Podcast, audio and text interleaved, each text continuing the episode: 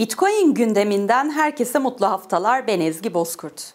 Geride bıraktığımız 7 günün önemli gelişmelerini derlediğimiz haber turumuz başlıyor.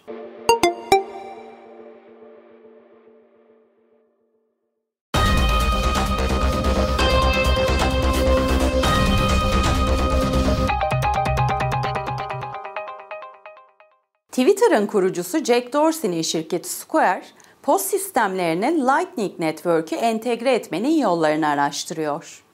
Lightning Network'ün post sistemlerine entegre edilmesi, küçük işletmelerin kendi cüzdanlarını yönetmelerini ve Bitcoin ödemelerini kabul etmelerini kolaylaştırabilir. Kanadalı Bitcoin madencilik şirketi Hive Blockchain, Intel'in Blocksale çiplerini kullanarak kendi tasarladığı ilk makine olan Hive Buzz Miner'ı kullanmaya başladı. Bugüne kadar toplamda 1423 adet Hive Buzz Miner kuran madencilik şirketi, Ocak ayının sonunda bu sayıyı 5800 adete çıkarmayı planlıyor. Yeni nesil madencilik çipleri eski ASIC ve GPU madenciliği ekipmanlarının yerini alarak Bitcoin madencilik verimliliğini arttırmayı ve maliyetleri düşürmeyi hedefliyor. 2022 yılının son çeyreğinde Kanada'da Bitcoin madenciliğine yönelik çevresel değerlendirmeler yapılmaya başlanmıştı. Bunun bir yansıması olarak ülkede bazı eyaletlerde kripto para madencilerine ucuz elektrik satışı durduruldu. Diğer eyaletlerde ise madencilerin yeni elektrik şebekesine bağlanma talepleri 18 ay boyunca ötelendi. Bitcoin madenciliği için küresel bir merkez haline gelen Kanada, küresel hash oranının %7'sini temsil ediyor.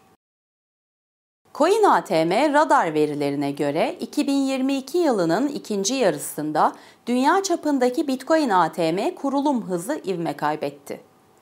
Temmuz 2022'de dünya çapında 38.536 adet Bitcoin ATM'si bulunurken, bu rakam Ocak 2023 itibariyle 38.626 olarak görünüyor. Uzmanlar Bitcoin ATM kurulumlarındaki yavaşlama eğiliminin süregelen ayı piyasası ile bağlantılı olduğunu düşünüyor. Ocak 2022'de 1.2 milyar dolar olarak gerçekleşen Bitcoin madencilerinin toplam geliri yıl boyunca düşüş eğilimi içinde oldu. Bitcoin madencilerinin Aralık ayındaki toplam geliri ise 477 milyon dolar olarak gerçekleşti. Diğer taraftan Bitcoin madencilik zorluğu Aralık ayında %3.6 düştü. Uzmanlara göre bu düşüş iflas eden madencilik şirketleri nedeniyle yaşanmış olabilir.